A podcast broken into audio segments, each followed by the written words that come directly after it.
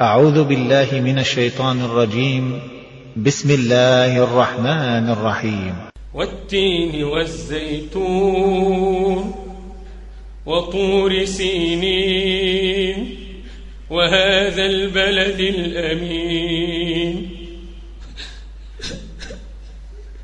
لقد خلقنا الإنسان في أحسن تقويم. ثم رددناه أسفل سافلين. إلا الذين آمنوا إلا الذين آمنوا وعملوا الصالحات فلهم أجر غير ممنون.